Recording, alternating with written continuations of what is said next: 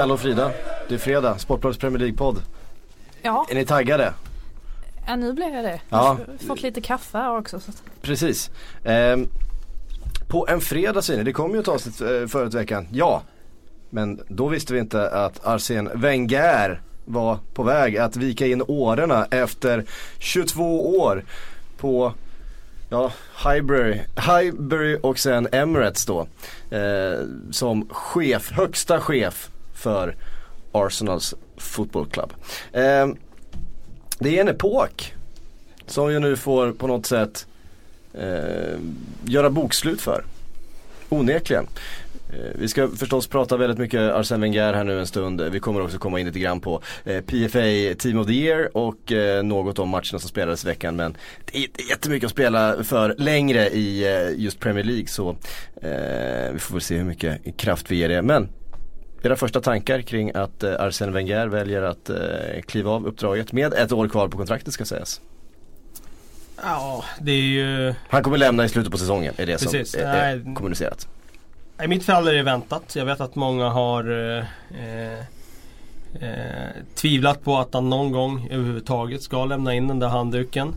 Eh, men jag har ju trott på det nu i, i flera års tid att han ska ge vika för det här liksom bubblande motståndet som har funnits under ytan och även över ytan mot hans eh, eh, ja, mot honom och mot hans ledarskap. Och, eh, det känns rimligen så också som att det är klubben som har valt att eh, eh, helt enkelt eh, inse att vi måste få till ett nytänk här. Vi måste gå i en annan riktning. För nu har laget faktiskt tagit steg tillbaka. Inte bara stått still utan de har till och med tagit kliv bakåt. Mm. Det var väl bara Fredrik Ljungberg kvar i hans hörna va?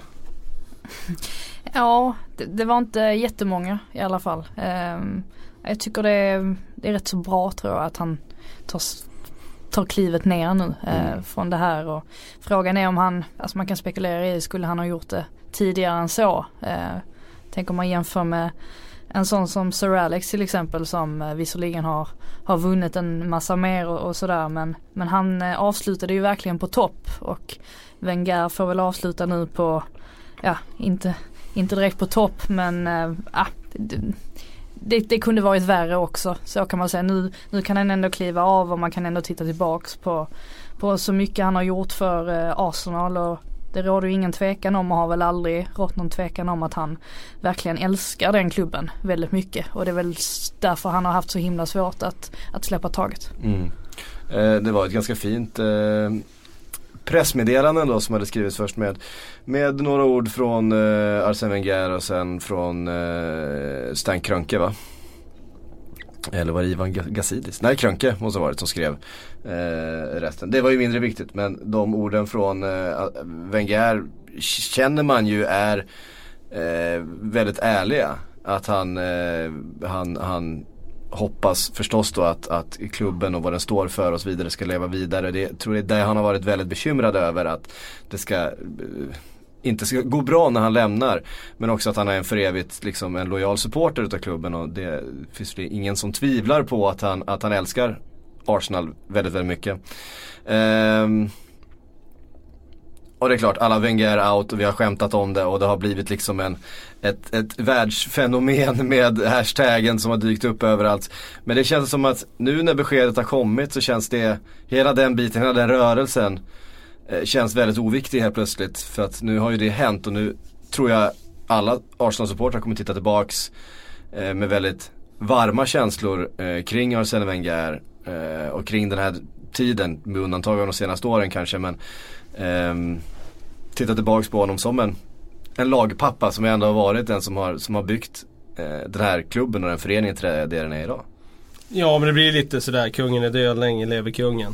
Eh, så fort han väl skulle lämna in så förstod man ju att då skulle folk få, få liksom distans att blicka tillbaka på det arv han lämnar efter sig. Han kom in i engelsk fotboll i eh, september 1996. ehm, och att han kom så sent efter att säsongen hade startat. Det var ju för att han ville fullfölja sitt kontrakt med den japanska klubb där han var. Och det säger väl någonting om, om Wenger bara det redan där.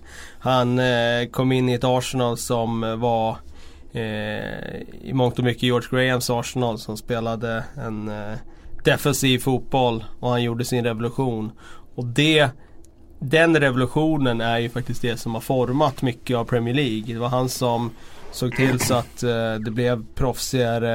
Eh, framförallt i sättet man, man eh, förberedde sig på utanför planen. Med kost och med alkoholvanor och så vidare. Och det arvet har ju verkligen, eh, alltså det är ju verkligen det han lämnar efter sig till i, i, i mångt och mycket till engelsk fotboll. Just det där att det var han som faktiskt moderniserade eh, engelsk fotboll. Mm. Det finns ju väldigt många tränare och ledare och sådär inom fotbollen som har en ganska så arrogant inställning till media och så vidare. Men eh, under de två presskonferenserna som jag fick eh, äran att eh, vara med eh, Wenger på så, så insåg man vilken otroligt vänlig människa han är. Ehm, och att han eh, Ja men absolut ehm, liksom ser alla och, och liksom tittar folk i ögonen och det, det kan verka som en banal grej men jag tror att det var lite det den relationen han hade till spelarna också. Det såg man ju verkligen eh, när de tränade och sådär att, att spelarna brydde sig verkligen väldigt mycket om honom. Ehm, så att eh, förhoppningsvis så eh, så kommer man minnas honom för allt, allt bra mm. han gjorde och inte för det här den här senaste säsongen. Eh, och sen ska man ju förstås då lägga till den, den sportsliga höjden som eh, han faktiskt nådde med det här Arsenal och det, det projektet som han byggde upp.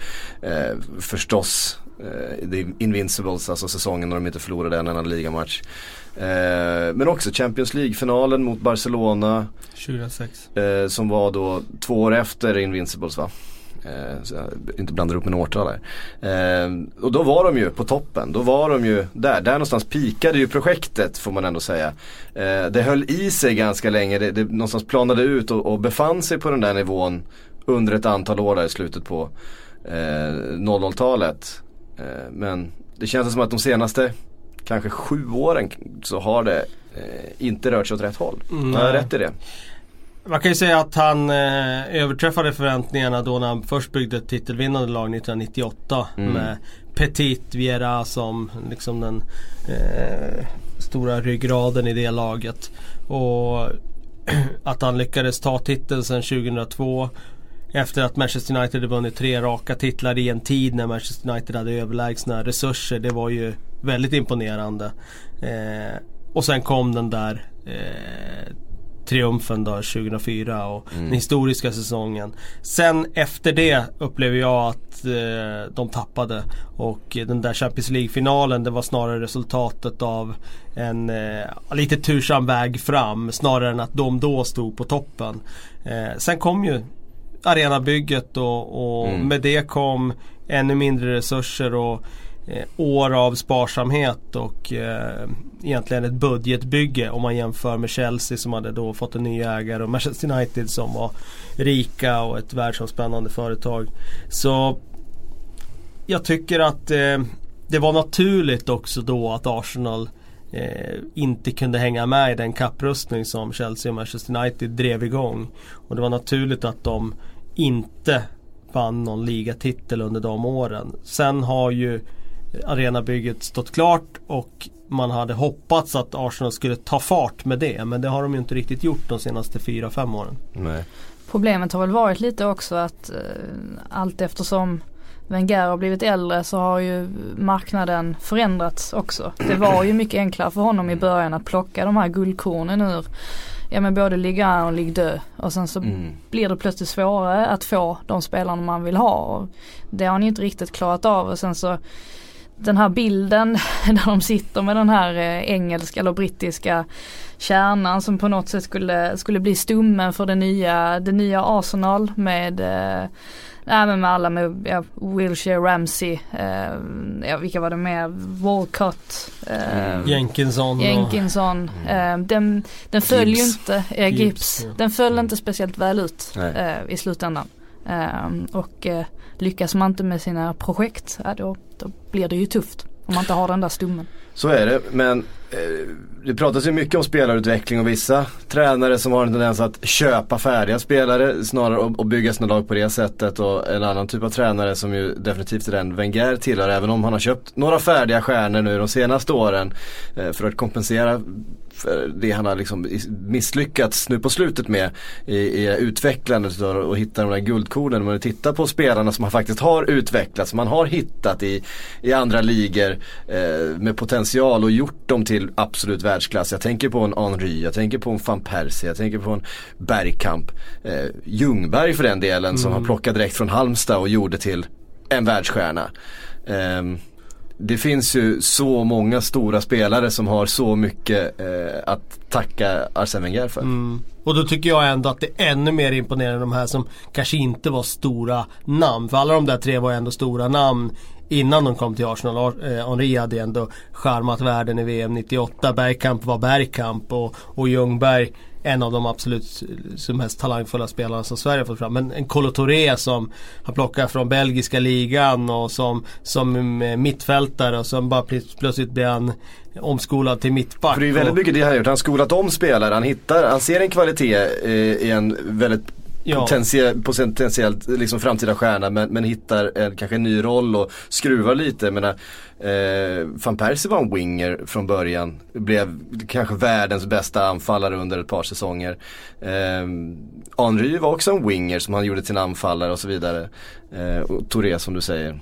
Han hade, en, han hade den där fingertoppskänslan verkligen under, under ganska många år. Av en andra favoritspelare så här från, som man tänker det finns ju några sådana här projekt också som man, som man eh, det har ju varit mycket tal om skador som jag tänker på en Rosicki som eh, Som mm. nådde hyfsade höjder spelmässigt stundtals men som ju var skadad mest hela tiden som man känner lite för. Nej men han hade ju, jag menar när han var som bäst där när Alexander Gleb och sådana där liksom såldes mm. till Barcelona. Det är klart att eh, eh och Fabregas som han Mm. Han plockade från Barcelonas akademi och gjorde till en världsstjärna. Eh, han hade ju en unik förmåga. Eh, det, det vill jag nog påstå när det handlar om just spelarutveckling. Mm. Ja, vad eh, ska hända med Arsenal nu då? Jag säger det. Mm.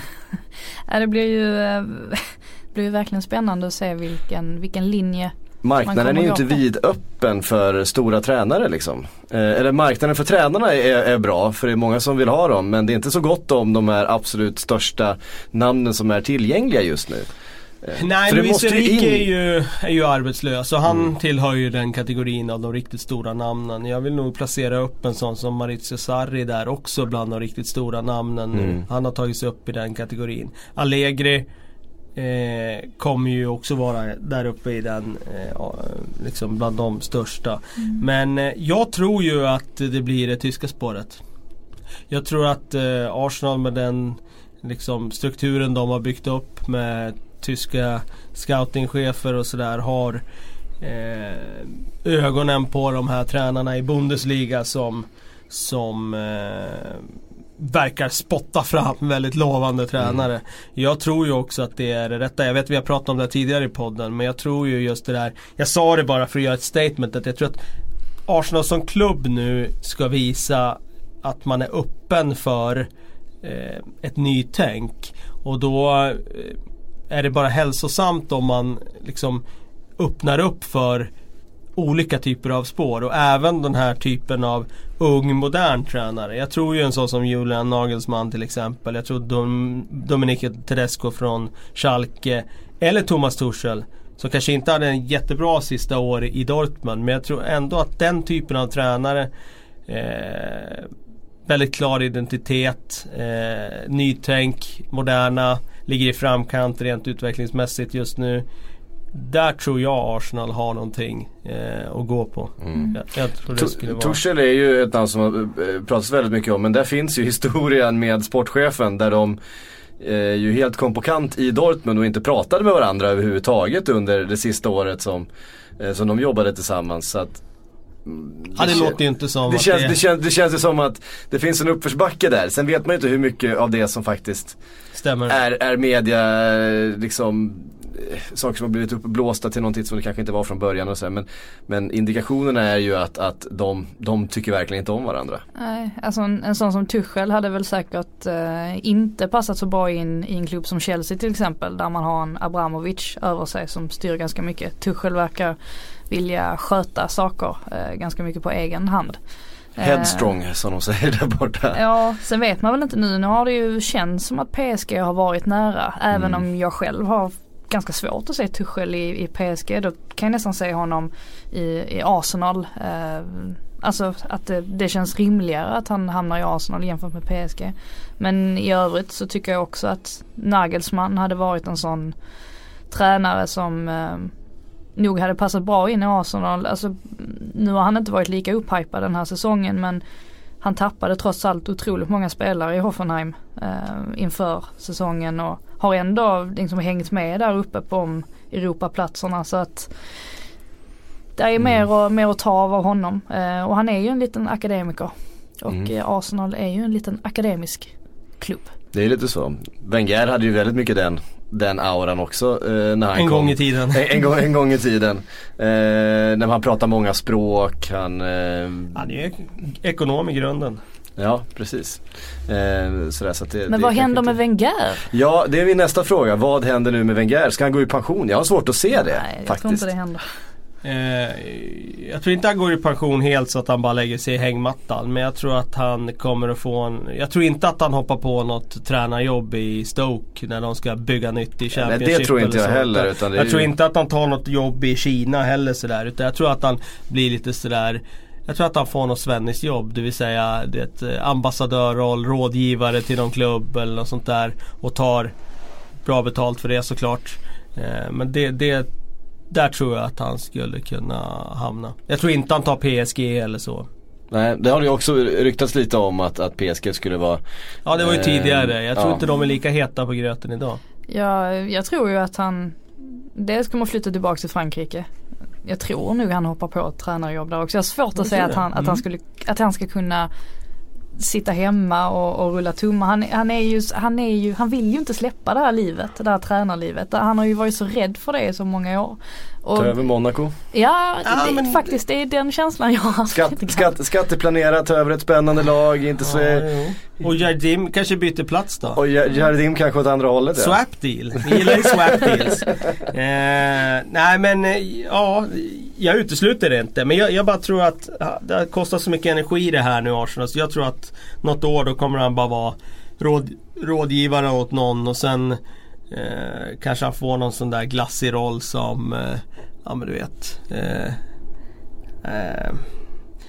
Jag Kanske någon roll i PSG i, liksom i hierarkin där men inte Mm. tränare som är nere på träningsplanen varje dag. ja, för risken är Han ju att... börjar bli till åren ska vi ju Ja, säga. ja ja, men absolut och jag menar det man på något sätt hoppas inte händer att vi får en ny Alex Ferguson situation där han sitter och hökar på, på läktaren varenda jävla match.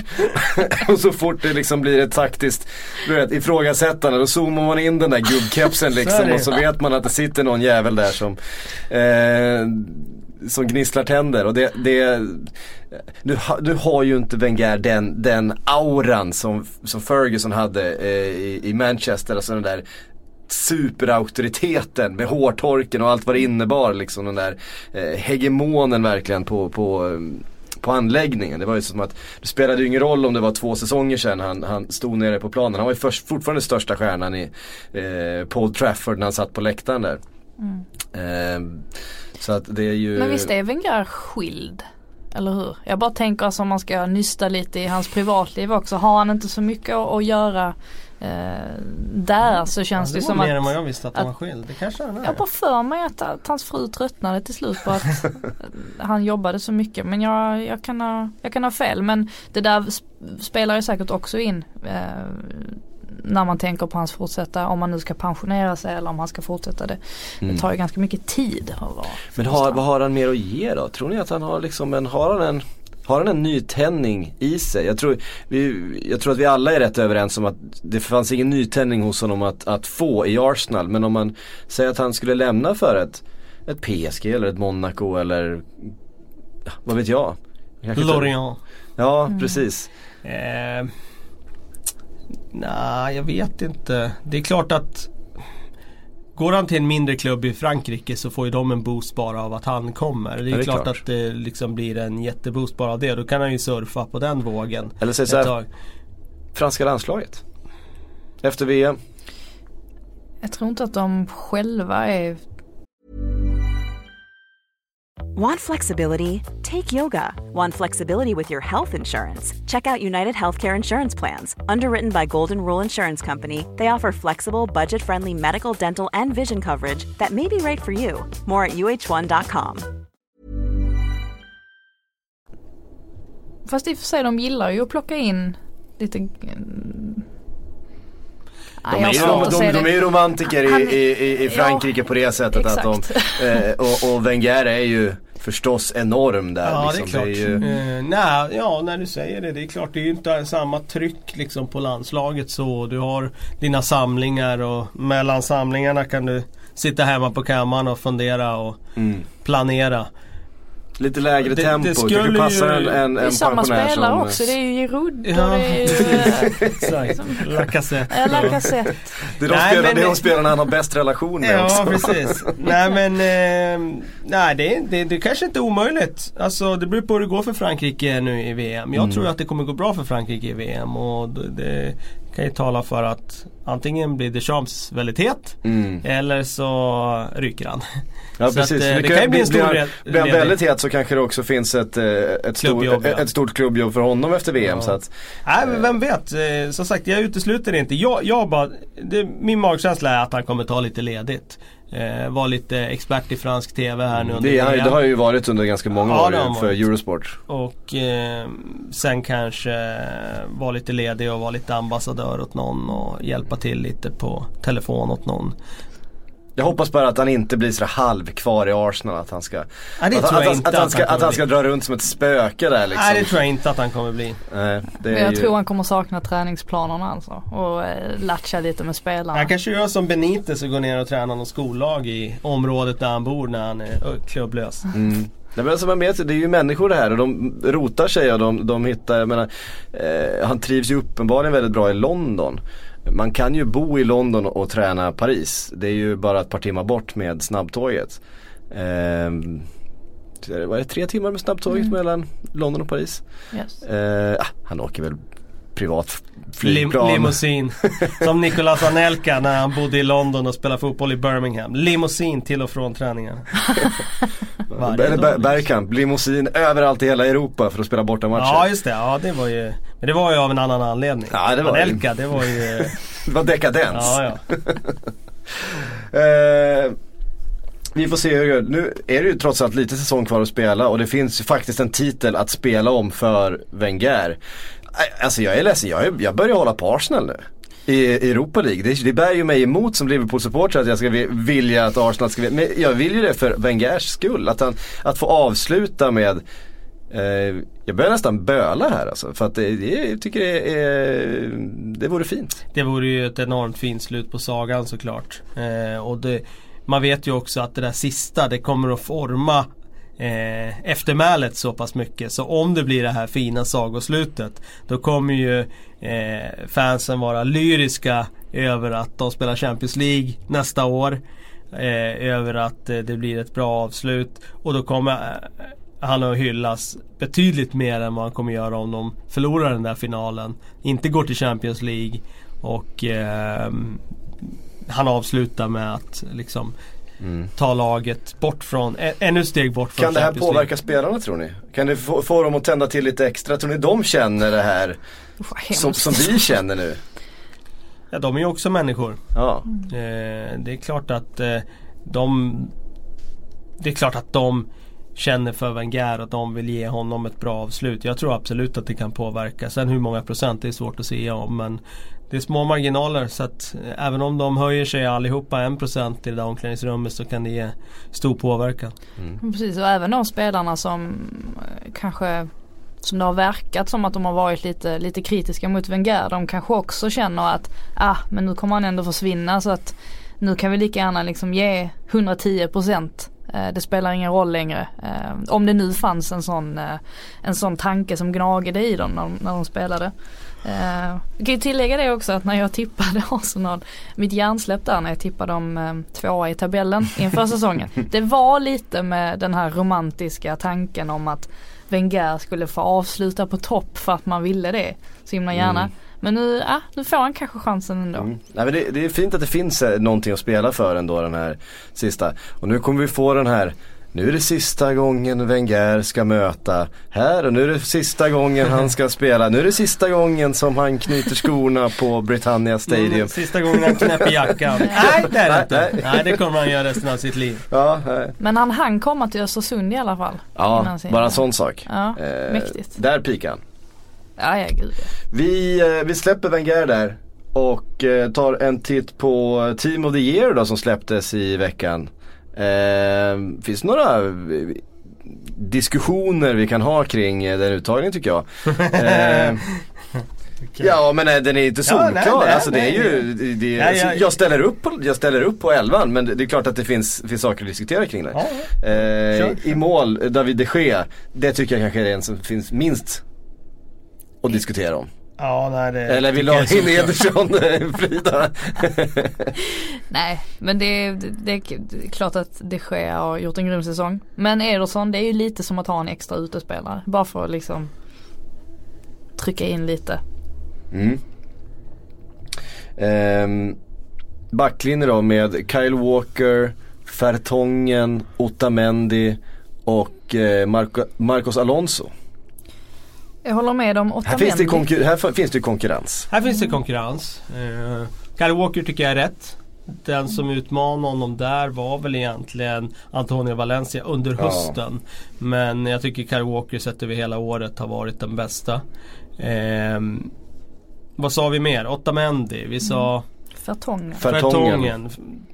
Jag köper dem. Otamendi tycker jag har varit lite misstagsbenägen här och där men han har varit väldigt, väldigt bra. Framförallt i början av säsongen tyckte jag han var en klippa i, i Manchester City. Man glömmer lätt hösten när man gör de här lagen. Mm. Eh, och glömmer vad att ja, det är faktiskt mer än häl- hälften av ligan som spelas före nyår. Och mindre än hälften efter. Så att, eh, jag, jag köper dem som mittbackspar. Fertongen har gjort en otroligt bra säsong så att eh, han är gjuten där.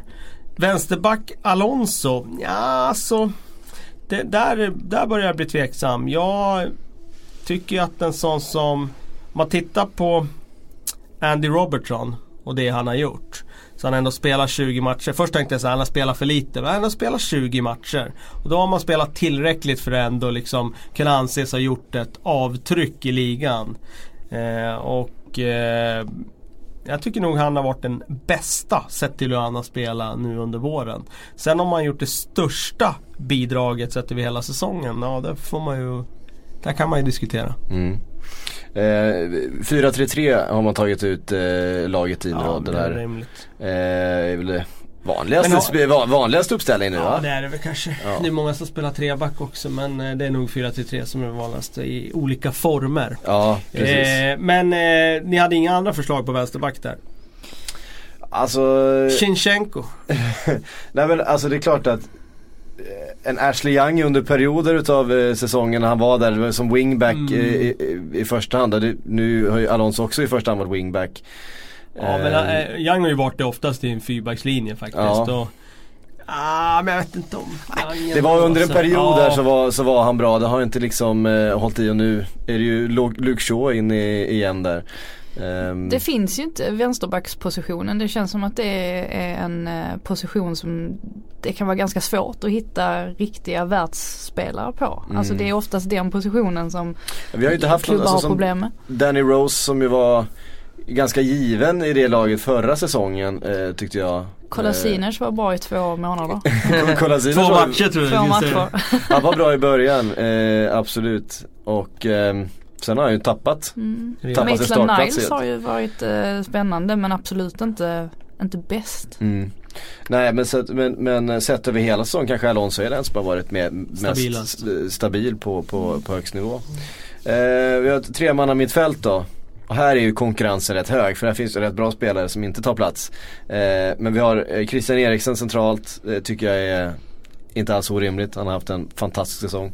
Eh, flankerad då utav David Silva och eh, De Bruyne. Eh, och det är ju svårt att säga så det är jättemycket om. Manchester City har varit överlägset bästa laget. Eh, Att David Silva och De Bruyne, de är, det går inte att plocka bort. Nej. För mig i alla fall.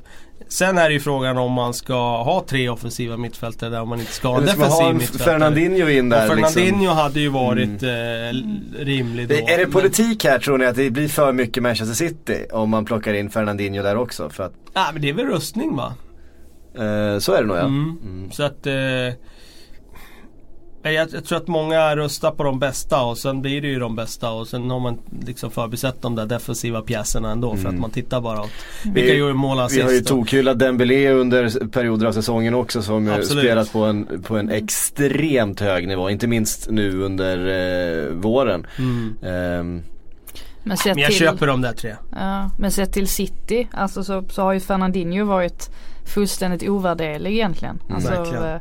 Har han gått sönder eller sådär eller om, om han hade gjort det så det, här, det finns inte så mycket annat att, att hämta. Så att eh, han hade kanske förtjänat en, eh, en plats i så fall. Men Mm. han syns ju inte lika mycket som, som sina lagkamrater. Det är väl lite därför också. nej. Eh, och sen en front tre då med eh, Harry Kane, Mohamed Salah och eh, Agüero. De tre som har gjort flest mål. Ja, det är inte, det är inte så konstigare än så. Det är ah, så- ja, ja, kör du Frida. Ja men det, det, det är så svårt, det beror ju lite på vad man, eh, vad man går på. Ja Mm. men precis, om man går på mål, ja då är det väl självklart. Jag menar Mohamed Salah tycker jag ju är, eh, om inte han hade varit med så hade det varit någonting fel. Eh, Harry Kane, han har ju också haft en strålande säsong framförallt under hösten. Det var ju helt sjukt vad vi pratade om Harry Kane då. Mm. Då var det ju bara Harry Kane. Nu har ju Salah tagit över Mm. mer och mer efterhand. Eh, sen Agüero är ju han är ju, Han är ju alltid en kantboll eftersom han spelar ju bara delar av säsongen på grund av Exakt, sina han är alltid skador. skadad. Eh, men han gör ju, eh, fortsätter ju också att, göra mål men det är väl i så fall han i mina ögon som man möjligtvis hade kunnat där man möjligtvis hade kunnat trycka in någon annan. Sen är frågan vem det skulle ha varit i så fall. Jag man har tänker en. på det. Sané kanske Ja, möjligtvis. det, det är han jag skulle vilja in i så fall. Ja. Jag skulle nog ta Sané framför Agüero. Även om Agüero gör väldigt mycket mål. Eh, alltid vass när han väl spelar så tycker jag Sané med hela hans eh, allround-spel. Och att han är den som får saker att hända i City. Eh, så håller jag nog honom faktiskt som eh, lite, lite, lite före Agüero. Jag hade Mm. tagit honom. Mm. Annars är han, köper jag PFA-laget. Mm. Sané har ju varit så otroligt viktig också i de matcherna där City kanske inte riktigt har kommit upp i nivå. Då känns det som att det är han som har drivit på och han som har gjort de här viktiga målen när Raheem Sterling har sumpat fyra liksom. Så Mm. att det, ja. Vilket han ju, vilket han ju gör. Ja, han det, är, det, är så, det. är så han är.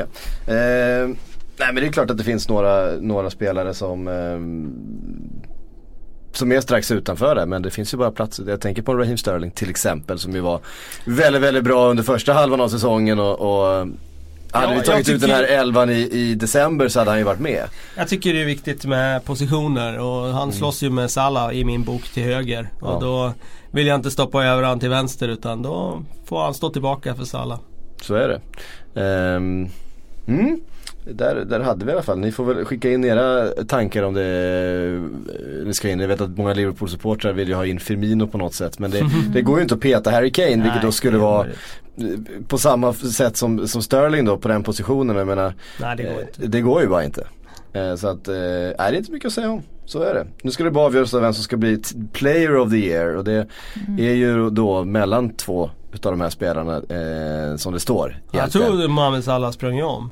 Eh, och det är eh, ganska anmärkningsvärt måste jag säga om man tänker tillbaka till hur snacket var i november. Mm. För då var det verkligen att De Bruyne eh, han har redan avgjort det här. Alltså ingen kommer komma i närheten.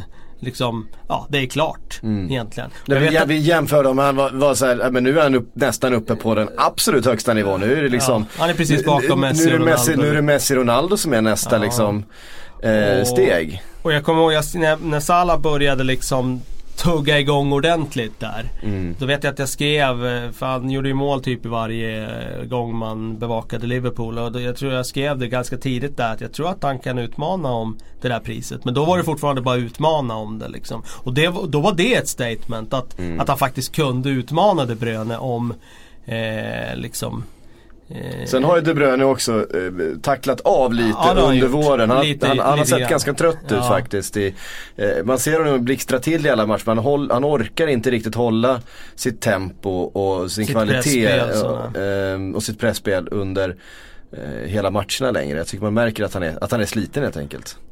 Eh, har ju spelat typ alla matcher, 90 minuter under hela säsongen för City. Pep gillar ju inte att rotera. Eh, och det det börjar nog kännas hos en del av dem. Det är väl David Silva och, och De Bruyne är väl de som har spelat flest minuter för, för City den här säsongen. Och, eh, ja, förutom Ederson. Eh, så att det, det känns som att det börjar, börjar eh, kännas lite hos vissa utav dem. Vi, eh, vi har fått en del frågor. Vi kan väl eh, försöka baka ihop dem med någonting som har hänt under ehm, veckan.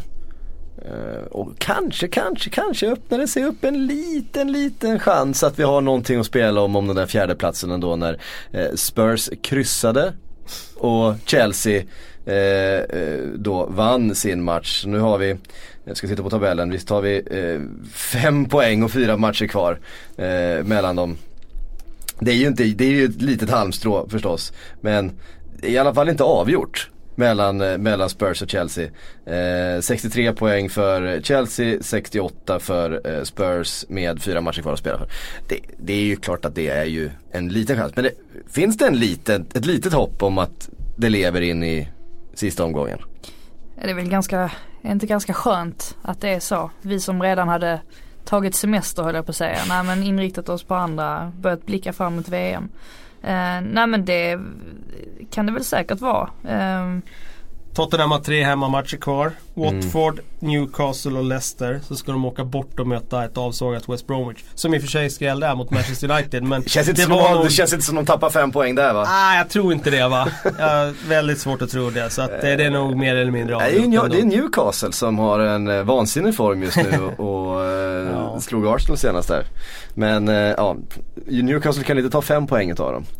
Uh, nej man har, man har ju svårt att se det. Nej man, man vill ju bara gripa efter halmstrån här efter att uh, Brighton ju kryssade mot uh, Tottenham i veckan i en ganska tråkig match eh, på många sätt.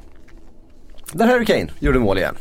Ja precis, Pochettino roterar väl lite grann där. Ja. Och det var rimligt med tanke på den FA Cup-semi som kommer här. Ja. Eh, Så han, det kändes ju som att han gjorde rätt egentligen. Och jag menar, det ska mycket till om de ska slarva bort läget i ligan. Så att eh, det är klart att han ställer in sig på FA Cupen nu. Ja. Ehm, Bournemouth United 0-2. Ja, finns Eh. inte så mycket att säga. Nej. Eh, eh, eh, vi tar lite frågor då. Carl Johansson eh, skriver varför Mo vill, Mourinho vill sälja Pogba och Martial? Eh, uppgifter som har kommit i veckan om att eh, båda de här spelarna kan vara på väg ut i någon slags rensning. Att eh, Mourinho vill bygga om det här laget med eh, nya spelare eh, på centrala positioner. Ja, om man nu vill det så tror jag att det bara helt enkelt handlar om att han tycker inte att de passar in riktigt i hans fotbollstänk. Eh, han, han ser ju förstås också att det är bra fotbollsspelare men han tycker nog inte att de eh, gör det som han vill att spelarna ska göra i sin arbetsbeskrivning. I eh, Pogbas fall handlar det om att han inte är tillräckligt eh, bra defensivt. I Martials fall så tror jag att han är lite för fladdrig. Eh, han har sin dag ibland, slår sin gubbe, går förbi, gör mål. Men går inte att lita på riktigt i försvarsarbetet. Mm. Jag Ehm, tror att han gör ett jättemisstag där. Utan det Manchester United skulle göra det är att byta ut Mourinho istället. Ja, det, eh, det kan jag hålla med om. Det känns som att eh, han har passerat sitt bäst före-datum. Eh, det var någon som tyckte att ni skulle prata Palmemordet här. Det tänker jag inte låta er göra för då blir det aldrig tyst här inne. nej det kommer jag aldrig härifrån. Eh, Vi har fått en fråga från, eh, ja nu tappar jag bort den här i röran, men som ville att vi bara skulle nämna att eh, Spurs bara har två förluster på hela 2018 så här långt, långt och det är mot Manchester City och mot Juventus. Eh, vill att vi skulle uppmärksamma det att eh, mm. Spurs eh, faktiskt eh, är väldigt formstarka trots det här krysset mot Brighton i veckan. Mm. Och trots en skadad Harry Kane under ganska många veckor. Och förstås med en Harry Kane på sidlinjen. Eh, Kevin undrar om det är någon av oss som spelar Fortnite? Nej. Nej. Jag vet inte ens vad det är för någonting. jag tänkte att det var kanske någon som, va? Du får googla sen. Ja jag får googla sen. Ja, hörde ni, det var, jag vet Kalle skruvar på sig här, vi måste dra. Eh, jag, jag skyller på dig Kalle. Jag får ta den. Jag har bråttom. Vi har bråttom, det var fredag, det här var ett extra insatt Premier League-podd. Eh, tack Frida, tack Kalle för att ni kom hit. Tack för att ni har lyssnat. Vi hörs i nästa vecka igen.